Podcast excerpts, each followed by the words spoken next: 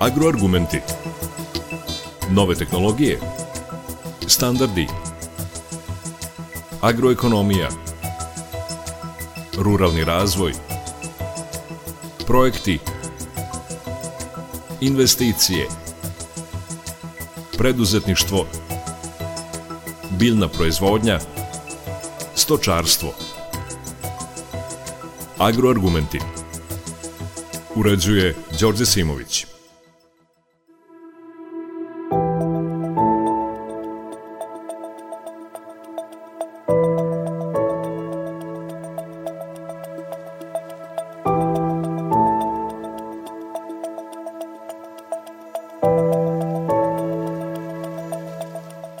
Poštovani slušalci, dobar dan.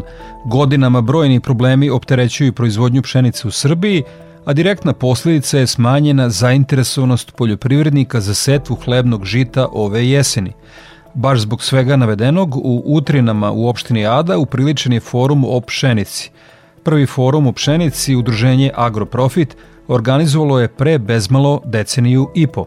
Razlozi za ovaj drugi su brojni – nedostatak tržišta za našu pšenicu i niske otkupne cene, male potrebe države za tom žitaricom radi prehrambene sigurnosti, značajan pad potrošnje hleba, nedostatak otkupa zrna po kvalitetnim grupama i sve manja upotreba sertifikovanog semena. I tu, nažalost, nije kraj. Pitanja koja čekaju odgovor su da li je pšenica naš strateški proizvod ili je samo semo radi plodoreda. Da li sejemo sorte za proizvodnju kvalitetnog hlebnog zrna ili nam je samo bitan prinos bez obzira na kvalitet. Koliko smo spremni da uložimo u osnovno đubrenje i prihranu? Da li smo spremni da pšenicu tokom vegetacije više puta štitimo, sjeseni od glodara i lisnih vašiju, s proleća od fuzarioza i drugih bolesti? Da li mlinari moraju da budu kolateralna šteta demagoške politike? Pitanje je mnogo, a neke od odgovora pokušat ćemo da damo u današnjoj emisiji. Da prvo poslušamo onog koji pšenicu proizvodi. Arsen Gradinac iz Srbobrana. Ja se plašim da, da, ćemo, da smo mi u mnogo gore situacije nego što mi kao poljoprivredni proizvođači mislimo. Desilo se veliki inputi osrednji rod čak negde i ispod osrednjeg, a cene katastrofalne. Ne znam šta je rešenje, mi eto koji smo u nekoj kondiciji bili smo pokušali da stavimo robu na lager, da čekamo neku cenu, ali očigledno da je rasplet vrlo spor i to što se dešava je negativno. E, ja nisam odustao konkretno od proizvodnje pšenice, znači posajana je u optimalnom agro roku, evo trenutno su toku radovi na trovanju miševa, glodara, koji su se premnožili, ovaj, to isto bilo kod tebe emisijama, znači veliki izazov izaći s njima na, na, na kraj, to dodatno poskupljuje trošak proizvodnje pšenice, ali neće biti dovoljan jedan ili dva tretmana. Čak je pitanje da li će više tretmana ponovljenih zaštititi pšenicu, jer je ogromna najezda.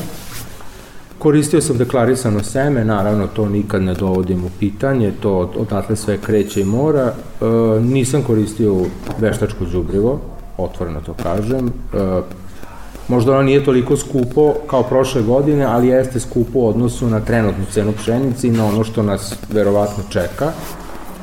Ali redovno radim analizu zemlje, tako da mi je zemlješte u kondiciji i može da izdrži jednu godinu, znači da se ne koristi e, đubrivo. Što se tiče ureje koja je glavni pokretač prinosa, bez nje neće moći, ali kao što sam s kolegom Čajkom pričao, e, ako uzimate na agro rok, a nije situacija da se zadužujemo, da uzimamo komercijalne kredite, na agro rok je kamata 20% na godišnjem nivou u banci je 7,7, a nama i ta od 7,7 skupa. Jer imamo problema sa postojećim zaduženjima, koja su zbog, govorim za investicijone kredite, su o, zbog Euribora naglo poskupela a cena proizvoda pala, tako da će se tu, mislim da se tu polako kuva neki loš scenario. Da li će se moći izdržati Izrael, ajde možda ćemo ovu godinu neko izdržati. Pitanje je sledeće, kakav će biti rod, koja cena i profit?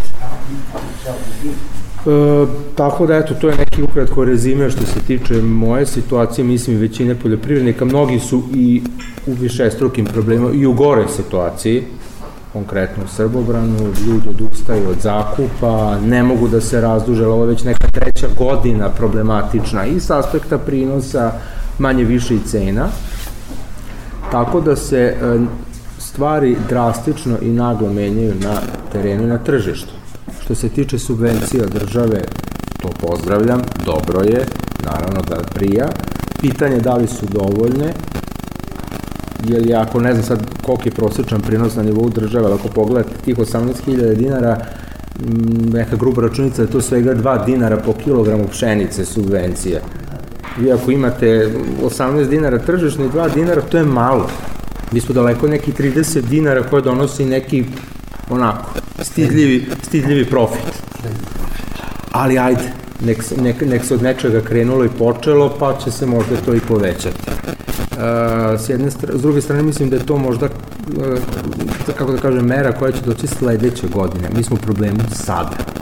Nama treba sad pomoć da se ugasi požar i opet se vraćamo na onu priču o kreditima. Država bi trebala da razmisli o nekom, ne moratorijumu, jer to je to neko samo dublje u blato, nego da, da država izađe sa nekom merom, ne znam, nisam ekonomista, znači da tu kamatu preuzme obavezu na sebe teret, da se nađe neki model, da se produže rokovi otplate. Vi imate subvencionisani kredit gde je kratak rok otplate, pa vas guši e, glavnica. Jer one, znači, treba da bude dug rok otplate sa malom kamatom 1-2%. Pa sad ljudi nek se snalaze kako treba. Tako da, eto, to što, što ja vidim kao glavni problem. Čuli ste ratara Arsena Gradinca iz Srbobrana. Predsednik udruženja Agroprofit Čedomir Keco kaže da je pšenica roba kao i svaka druga i da proizvodnji nismo marketinški pristupili. A pitanja na koja nema preciznog odgovora su za koga, koliko i šta u pogledu kvaliteta proizvodimo. Ako gledamo statusno pšenicu kao bitnu ratarsku kulturu, u njenom gajanju desilo se dosta pozitivnih promena ka agrotehnici, sortama i prinosima, a ako gledamo ekonomski status pšenicu kao robu, situacija je komplikovana, vrlo i neizvesna. Promene imate koje su bile pre ovih ratnih sukoba i imate sadašnje promene. E, što se desilo u daljoj prošlosti je dosta značajno da smo uspeli kao država da smanjimo dužinu žetve recimo da se otvaramo prema kvalitetnim sortama ali da pada e, upotreba certifikovanog semena u praksi. To je ta neka ovaj e, prošlost i koliko toliko balansirali smo sa kupcima. Međutim rat je sada napravio jedan novi presek u koji se uplela država. Vrlo nestručno, neprovereno sa posljedicama i mi smo praktično zabranom izvoza pšenice u datom trenutku kada je cena bila dobra, a naše potrebe potpuno podmirene odlukom države mi smo sada napravili lagere i to pitanje kako ćemo se njih osloboditi. Međutim, to i nije jedini problem pšenice. Dakle, došli smo do troškova i tu sam dužan da vam kažem u ovom periodu šta se dogodilo.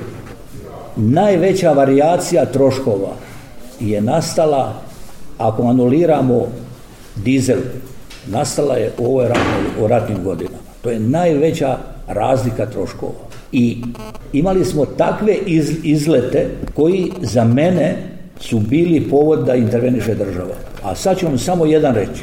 U real, od 1000 do 1100 evra, je li tako bilo? Od jedan puta 640 sa istog lagera, od istog uvoznika. Država nije intervenisala, ali je pogrešno intervenisala oko zabra. Međutim, kako god bilo, nama se i strukturalno promenila gazdinstva koja se bave pšenicom. Mi smo u Vojvodini imali 110.000 gazdinstava koji pšenicu gaje na manje od 5 hektara. Taj broj sada je malo drugačiji. jer su staračka domaćinstva odustala od poslova i desilo se još nešto, da je u Vojvodini došlo do ukrupnjavanja gazdinstva na između 14,5 i 16 hektara, a u drugom delu države na 8 i to je smanjilo broj tih malih gazdinstva. Druga stvar šta se promenilo? Promenilo se to da odustajanjem na malim parcelama je došlo do toga da se pšenica nesuje socijalno. A jako toga jako puno ima još i danas.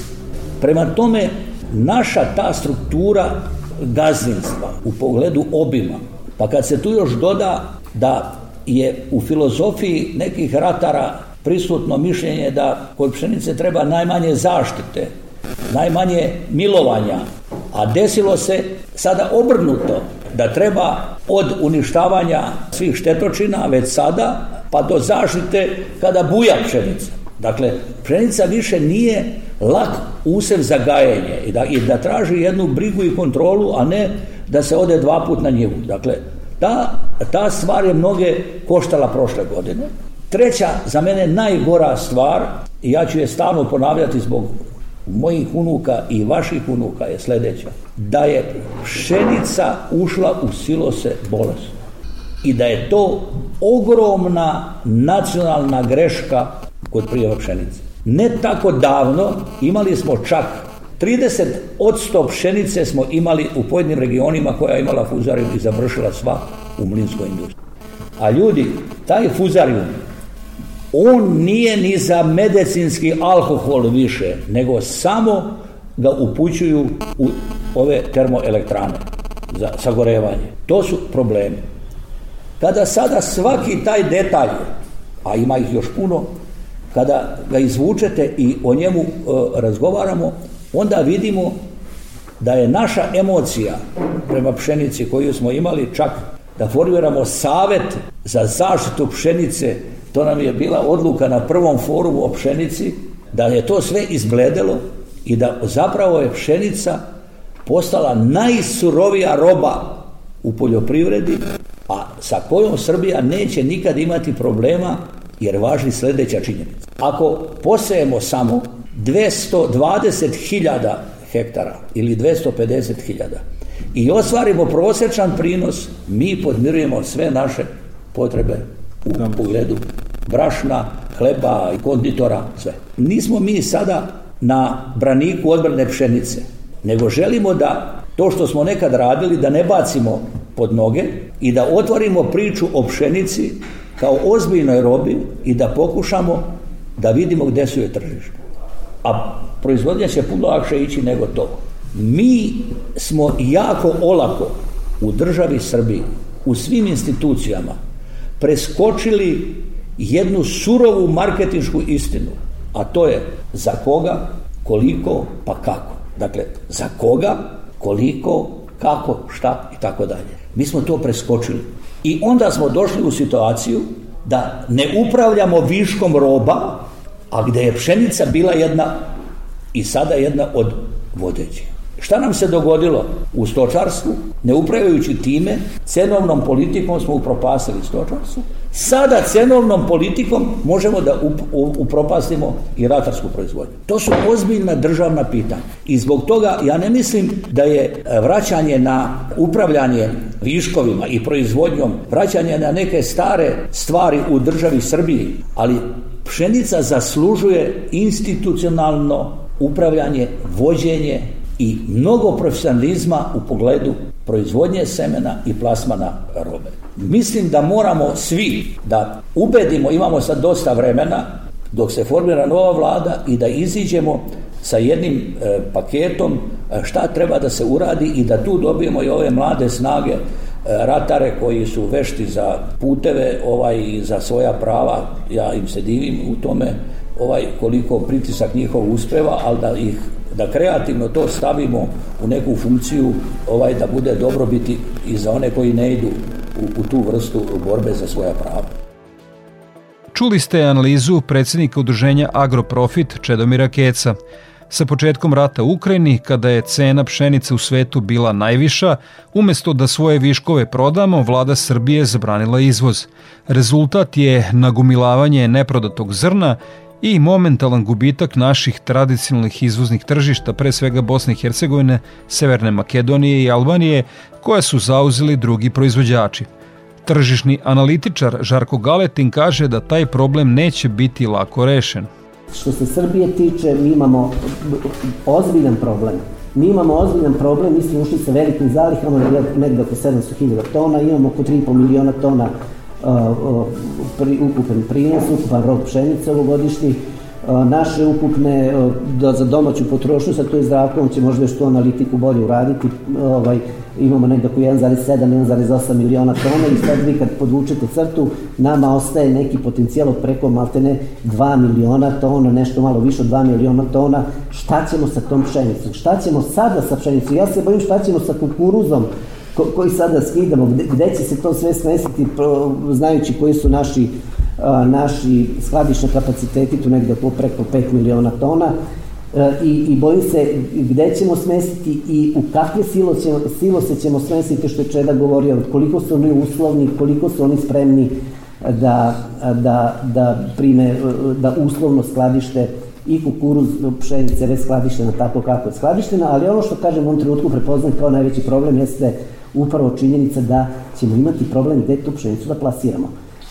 Od 300.000 tona otprilike za prva tri meseca ekonomskog života nove pšenice, koliko je izvezeno, ispostavilo se da je jedan, na našu sreću, jedan kupac iz našeg bližeg okruženja počiva, počinje da bude naš Naš najveći kupac to je Italija, mi smo uh, skoro jednu, preko 100.000 tona, više od 30%, znači jednu trećinu pšenici izvezli za Italiju, dakle traže se alternativne načine izvozi, da to nije Crno more, mada i na Konstanci izvezeno negde, negde oko 60.000 tona, što je dobra vest, što znači da se ipak nešto na, na Konstanci dešava. I dakle dok god se ne očepe ti izvozni kanali, dok god se nama, koliko god mi bili ponekad i kivni na te naše velike izvoznike, dok god se izvoznici ne uključu u naše tržište, ne podignu likvidnost tržišta, mi ćemo imati veliki problem ćemo i šta ćemo sa pšenicom.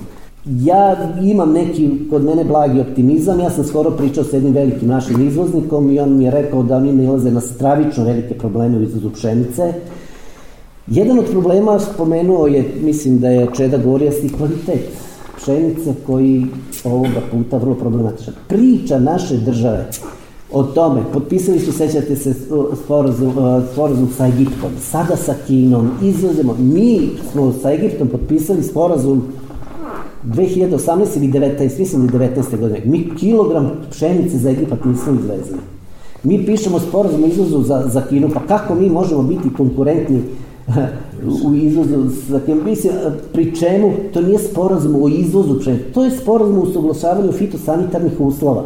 Pšenicu izvoze izvoznici, naši izvoznici kojih se sada su manje više povukli sa tržišta, jer su okolnosti krajnje nepovodne, nemaju dovoljno barži.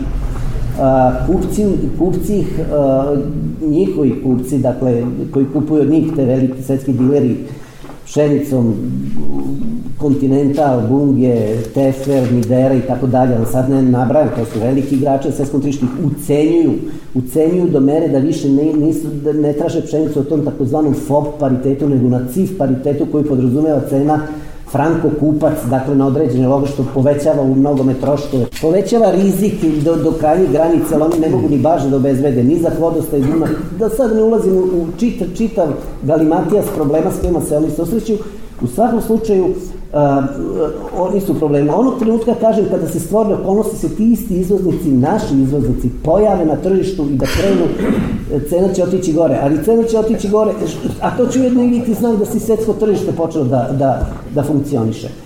Ja sam blagi optimista, iskren da vam kažem, u sve ove probleme koji se dešavaju i verujem da će cena otići nešto gore, ali problem ovogodišnje pšenice je već sad evidenta, naši poljoprivrednici, ja ne znam koliko je pšenice sa ličnih lagera, da tako kažem, naših poljoprivrednika otišlo u promet i otišlo vidne, e, evidentno, teško se zatvara ta kalkulacija ove godine i to je, to, to je jasno svima. Ono što je posao države, jeste taj da svojom agrarnom politikom relaksira poljoprivrednog proizvođača da ga zaštiti od elementarnog gubitka.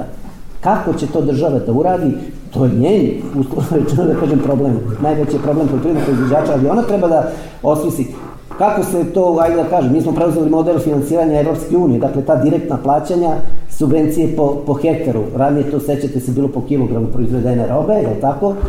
Što ja čak mislim možda da je pravednije i bolje.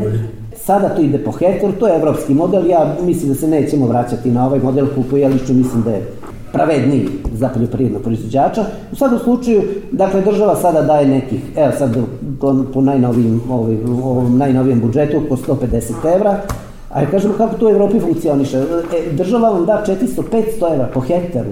Vi ste u startu relaksirani za te tržišne rizike, za tih 400-500 evra. Vi ih odmah ukalkulišete u svoj prihod i sada nemate tolike traume i strahove od toga šta će se desiti na tržištu.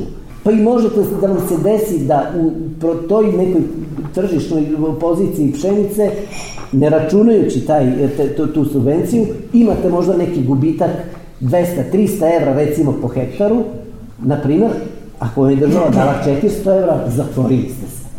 Naša država nema te kapacitete, mi koliko god bili, ti nismo taj tigar ekonomski, mi smo siromašna relativno država, ovaj budžet čak je i nešto i dobar sa tim uh, sa tih neko milijardu evra koji nismo davno imali tako veliki budžet, ali kada vi uzmete rast troškova proizvodnje, što kaže gde si tu si. Galetin kaže da se u svetu trenutno dešava absurd, da je globalno najmanja proizvodnja pšenice u poslednjih 10 godina, a da cene pšenice umesto da rastu, padaju. Ove godine će imati desetogodišnji minimum svetskih zalika pšenice. Znači, pšenica ove godine je relativno podbacila, govorimo o ekonomskoj 2023. i 24. pošto se već sad takva ta godina gleda. I imamo, dakle, situaciju imamo 6 miliona tona manje proizvedene pšenice u odnosu na, na, na predviđenu i projektovanu ukupnu svetsku potrošnju, što je dakle uticalo i na pad svetskih zalihe, koje su, kažem, ove godine došle na nivo desetogodišnjeg minimuma. To bi bio u nekim normalnim okolnostima jedan ozbiljan tržišni okidač da cene počnu da idu gore. Nama se to ne dešava, ne samo nama u Srbiji, u svetu se ne dešava pšenice, imaju, pšenica ima prilično lošu tu tržišnu poziciju i kreće se, ja ću sada vama reći, future scena i oko toga možemo ovaj, polemisati čisto da se razbije ta neka zabluda o cenama kod nas i na svetskim tržištima gde mi gledamo tržišta, terminska tržišta, ta takozvana tržišta uh, izvedenih hartija kao što su futuresi. Trenutno je recimo cena uh, na, na Čikaškoj berzi, cena pšenice oko 201, 212 dolara za tonu. Govorimo o terminskim cenama, futures cenama Na Parijskoj berzi cena pšenice trenutno oko 230 evra za tonu, takođe ta, dakle, futures terminska cena. Sve u svemu, kažem ti, tradicionalno, kako bih rekao, u normalnim okolnostima, ovaj, bilosne pozicije bi bile te koje predeljuju našu percepciju i naša predviđanja o tome šta će se u perspektivi desiti u budućnosti sa cenom pšenice na svetskom tržištu. Ovoga puta to nije tako. Da ne ulazimo u razloge, korona kriza, zatvaranje granica, ograničenje izvoza, ne govorim za Srbiju, govorim generalno, ograničenje izvoza, zabrane izvoza, Rusko-ukrajinska kriza pogotovo dovelo je bukvalno svetsko tržište, zato vi niste mogli čujeti od svetske tržiške organizacije da se oglasila na tu okolnost. I tu je, sav, da kažem, jedan od najvećih problema s kojima se sve danas očeva, da su te krovne institucije pri Ujedinim nacijama pokazale su potpunu nemoć i, i one su bukvalno razvaljene, da tako kažem, ovim godinama ovih kriza, što korona krize, što, što krize izazvane rusko-ukrajinskim sukobom. I imali ste, dakle, ponovo situacije zatvaranja granica, ograničenje izvoza. Dakle, ovo što vam govorim, to je radila Srbija, to su radile ostale zemlje e, e, svetske velesile. Uvođenje sankcija i tako dalje. Imali ste situaciju da usled tako tih nesigurnih okolnosti cena počela da ide gore iz prostog razloga što zemlje velike uvoznice bile u velikom strahu da neće obezbediti dovoljne količine i izlazile su na tržište, sve su kupovali što su mogle kupiti. Pod takvim pritiskom tražnje cene su otišle nebu pod oblake i sada se dešava kontra situacija, da vam upravo taj isti faktor koji je doveo do rasta cena sada je sada je doveo do toga su cene naglo pale. Sve te zemlje su obezbedile, obezbedile relativno dovoljnim količinama zalika. Ovaj, pre svega mislim na te zemlje najveće uvoznice, zemlje Severa Afrike, dalekog istoka, srednjeg istoka i tako dalje. I šta se dešava? Dešava se da Ruka, Ukrajina ne može da, da, da o, realizuje svoju proizvodnju pšenice. Mi, ja sam gledao slike gde u, u, ukrajinski poljoprivrednici bukvalno na zemlji ostavljaju pšenicu, kao piramide rep, ovaj, prizme od repu kada radimo, kako su oni ostavljaju pšenicu. I oni imaju problem gde to da uradi i spuštali su cenu samo daj šta daš, po bilo koju cenu se proda. Sa druge strane, Rusi koji su od pre 20 godina bili neto uvoznici pšenice, sad su najveći svetski izvoznici. Sa 50 miliona tona Rusija drži bezmalo polovinu svetskog izvoza pšenice u ruskim rukama. Rusi su to naravno sistematski radili. Rusi ne biraju metod i način kako da pokore svetsko tržište tako što izlaze sa dumping cenama i sve to zajedno, eto, dakle, dovodi do jedne situacije da imamo jedno jedno potpuno šizofreno, što bi se ono rekao, tržište, pri čemu najveći, oko 50% izvoza žitarica svetskih ide iz, iz basena Crnog mora. Crno more je postalo potpuno disfunkcionalno, potpuno u najvećoj meri zatvoreno, ide nešto preko određenih koridora, ali to je jako slabo i Evropa sve više postaje jedan veliki magacin, jedno veliko stovarište žitarica i uljarica i zbog toga imamo taj ozbiljan problem, em da ne možemo robu da plasiramo gde treba, a sa druge strane Rusi koji su sebi obezbedili recimo dovoljne i dobre protočne koridore za izvoz, obaraju cenu ne pitajući ne pitajući e, da li je, razmišljajući koliko je to a, trenutno tržišno ili dobra cena, njim je samo bitno da otvu tržišta pre svega Amerikancima, potom Ukrajinicima, Evropskoj uniji i tako dalje iz već a, poznatih razloga. I to je u ovom trenutku ono što pšenicu čini prilično neatraktivnom robom a, na svetskom, a, na svetskom tržištu. I to je ono što bi u ovom trenutku ja prepoznajem kao, kao najveći problem. Onoga momenta kada profunkcioniše i taj crnomorski koridor i kada se očepe ti kanali i kada tržište počne da funkcioniše u svom svom kapacitetu, ja verujem da će cena pšenice otići gore. Sada se to nažalost ne dešava i imamo dakle jednu prilično, prilično lošu situaciju. I tu problemima ratara koji navodi Žarko Galeti nije kraj. Predstavnik Žito Unije Zdravko Šajatović kaže da su i mlinari u izuzetno teškoj situaciji. Ceo repro lanac je u nezavidnoj situaciji, svi zajedno bi mogli da idemo pred zid plača, da plačemo. Znači i ratarska proizvodnja i mlinarska, a sad su izvoznici došli isto u tu situaciju. Suština problema je visoki troškovi i smanjeni prihodi. E, ja samo sa par podataka da ilustrujem šta se kod mlinara dešava. Znači, mi imamo jednu absurdnu situaciju da je nama država naša četvrtinu brašna koju prodaju mlinari, brašna za proizvodnju hleba, po ceni koja je jako pala, pala je pre svega zašto je pala i cena pšenice, to je logično. Ali ako je naša cena brašna tipa 500 pakovanje, 25 kroz 1, 32 dinara, država četvrtinu brašna na domaćem tržištu prodaje po 22 dinara. E sad vi radite na tom tržištu gde pšenica sa troškovima košta minimum 20 dinara, a brašno tip 500 za proizvodnju hleba košta 22 dinara. I normalno da će svi pekari većinu svojih potreba, ako može nabiti po 22 dinara. Znači četvrtina proizvodnje brašna za hleb na domaćem tržištu je suspendovano za mlinare. Znači nemamo kome da prodamo. Osim toga, 25% proizvodnje stočno brašno, to znati sami, stočastvo je martanje propalo, Znači, mlinari 25% četvrtinu svoje proizvodnje prodaju po 9 dinara. I to jedva prodaju. Sretni su oni koji mogu energani neko da prodaju stočno brašno, da ga se reši od stočno brašno ne može da stoji, Bog zna koliko dugo, kaže, ukiseli se. Znači, nama je jedini koliki toliki izlaz bio povećanje izvoza, što su mlinari i uradili, ali evo i tu se sad javljaju problemi, jer u ovoj demagoškoj socijalnoj politici pridružila se i Makedonija, znači nismo mi jedini, i oni su doneli neke odluke gde ovaj, sve proizvode, nabroj stav neki 340 proizvoda, smanjili su cene za 10%.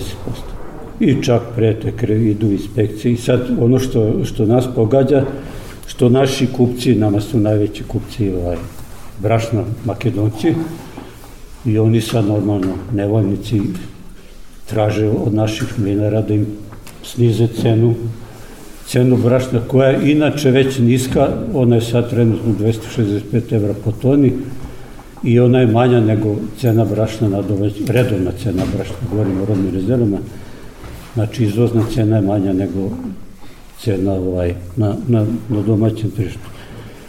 Da problem bude još veći, država je nedavno donela uredbu, pa su sad i ono brašno koje se proizvodi za domaćinstva, znači to je pakovanje od jednog kilograma, za 25 dinara su smanjili po kilu, po kilogramu cenu, znači ako je bila 70 dinara, sad je 40, govorimo o proizvođačkim cenama, što i razloge je li smanjena i cena pšenice, međutim tu su ga baš preterali, i jedino je za mlinare država donela uredbu. I to je jednu preteću uredbu, što je, mislim, i protoustavno, jer u toj uredbi piše ko se ne bude pridržavao te uredbe, da, znači da isporučuje brašnu po tim propisanim cenama koje su ispod tržišnih, biće kažnjen finansijski i, i odgovorno lice i pravno lice i bit će mu zabranjen rad na šest meseci do godin dana. Znači, to je protuustavno. Vi firmama koje rade sve u legalnoj zoni, sve plaćaju porez, zabranjujete rad. Gde to ima? Koje to država u Evropi ima? Nema nijedna. Ja bar nisam ovaj vidio. Rumunija je trenutno izgubljeno tržište za izvoz pšenice. Evo ja imam od juče sam dobio najnovije podatke. Znači, mi smo za četiri meseca u Konstancu izvezi 65.000 tona, prošli mesec, oktobra, smo izvedi 948 tona, znači ništa. Problem je nedostatak barži, Ukrajina pokupila praktično ovaj, sve barže, nizak podoste Dunava, manja tonaža koja se u barže tovari i skok vozarina po toni pšenice, jer kad tovarite 60% barže, tamo u Bogarskoj su plićaci, ne može baš od 1000 tona više da prođe.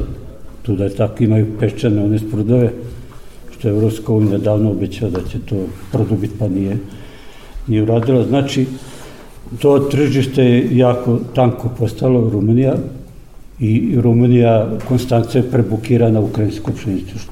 Oni idu preko oni Dunavskih luka, čak su krenuli preko Vukovara, mada to relativno skromna ovaj, luka. Znači sve živo koriste preko Poljske, znate, ono što su Poljaci, da bi zaštitili svoju, svoju ovaj, pro, poljoprivrednu proizvodnju, oni su zabranili da su posle sukobili sa razlogom, su sukobili sa Evropskom uniju, a mi imamo na domaćem tržištu da nama naša država po dumping cenama prodaje brašnu i uništava domaćem mlinarstvu. Po vam pametu, ali je tako. Znači, razlog je socijalna demagogija. Sve se to može reš, rešiti. E, država je odgovorna za vođenje socijalne politike, ali mora naći adekvatne mere da bi se vodile socijalne politike. Najbogata država na svetu, Amerika verovatno ima socijalne karte, najsiromašnija druga ili treća u Evropi, Srbija nema socijalne karte. Pitanje zašto? Pa ne znaju da naprave, ni sposobni. Nažalost.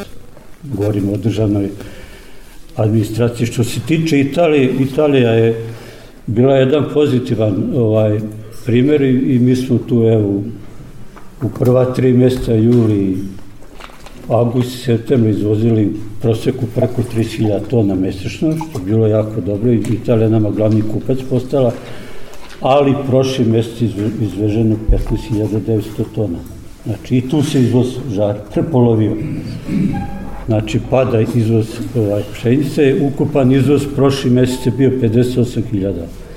Jedino gde, gde je dobar izvoz bio, ali to je naš absurd, ali mi tu čutimo, je Kosovo gde smo za dva meseca izvezli 32.000 tona. Godinama u našem programu emitujemo kvalitetne pravovremene tržišne informacije Infotim logistike. Šta bi trebalo uraditi u narednom periodu kada je o pšenici reč, analizirao je Aleksandar Kutlešić. Ratarska proizvodnja je postala skupa poslovna investicija, da bi joj pristupali površno i neodgovorno, bez ozbiljnog planiranja i realnih tržišnih očekivanja. Uz to postoji puno elemenata koji utiču na konačnu zaradu. Moramo se suočiti sa svetskim trendovima, proizvodnjom i potrošnjom. Imam utisak da su svetske promjene dosta brže nego promjene naše svesti i prilagođavanje novim uslovima. Mi smo izvoznici žitarica, a uvoznici energenata i mineralnih đubriva. U posljednjoj deceniji je došlo do porasta ratarske proizvodnje u Rusiji, a najviše je povećana proizvodnja žitarica, pre svega pšenice. Da budemo realni, mi ne možemo sa pšenicom Ukrajini, a naročito Rusiji, biti konkurentni. Zašto je to tako? Iz Rusije uvozimo đubrivo i energente, a u Crnomorsku luku u Rumuniji, Konstancu, izvozimo viškove koje ne utrošimo i ne izvezemo u zemlje okruženja. Izvozni potencijal u zemlje okruženja je između 300 i 400 hiljada tona. Domaća potrošnja je oko 1.900.000 tona računajući Kosovo i Metohiju. Dakle, mi imamo potrebe za približno 2,5 miliona tona pšenice. Sve ostalo moramo izvoziti na tržišta gdje je konkurencija vrlo jaka, gdje je i proizvodnja jeftinija i gdje imaju manje transportne troškove. Dakle, da bi izvezli u Italiju ili Rumuniju, mi cenu koja se kreće na svjetskim berzama moramo formirati sa prevozom što nam čini gubitak koji ne bi imali ukoliko ne bi postojali ti viškovi, odnosno kada bi trenutne viškove preradili. Pitanje za mene je bilo šta uraditi sa viškovima pšenice, na što sam sada i dao odgovor. Sa postojećim viškovima, sem izvoza, nemamo drugo rješenje, a dinamika kako je u prethodnih četiri mjeseca ukazuje na ulazak u narednu godinu sa još većim prelaznim zalihama nego ove godine. U prethodna četiri mjeseca smo izvezli 450.000 tona pšenice. Po toj dinamici ćemo izvesti oko milion i 350.000 tona do nove žetve, a naše količine za izvoz su blizu 2,5 miliona tona. Znači ako se ovaj trend nastavi, imat ćemo oko milion i 150.000 tona prelaznih zaliha.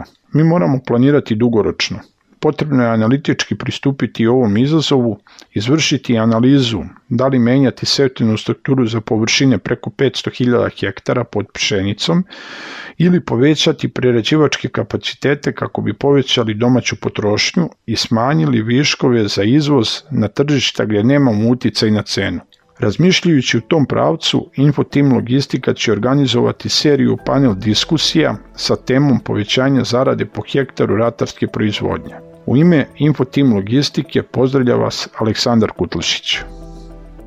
Na sve navedeno, agroekonomisti upozoravaju da ako bi zbog ratnih dejstava na Bliskom istoku bio zatvoren Suetski kanal, to bi, slikovito rečeno, Evropu pretvorilo u jedan ogroman magacin. Tada bi uz ratare i mlinare bili pogođeni svi proizvođači hrane, kako kod nas, tako i širom starog kontinenta. Toliko u današnjim agroargumentima, u kojima smo govorili o stanju sa tržišnim viškovima pšenice na domaćem tržištu, kao i mogućnostima za izvoz hlebnog žita i brašna. Ja sam Đorđe Simović i pozivam vas da ostanete uz Radio Novi Sad.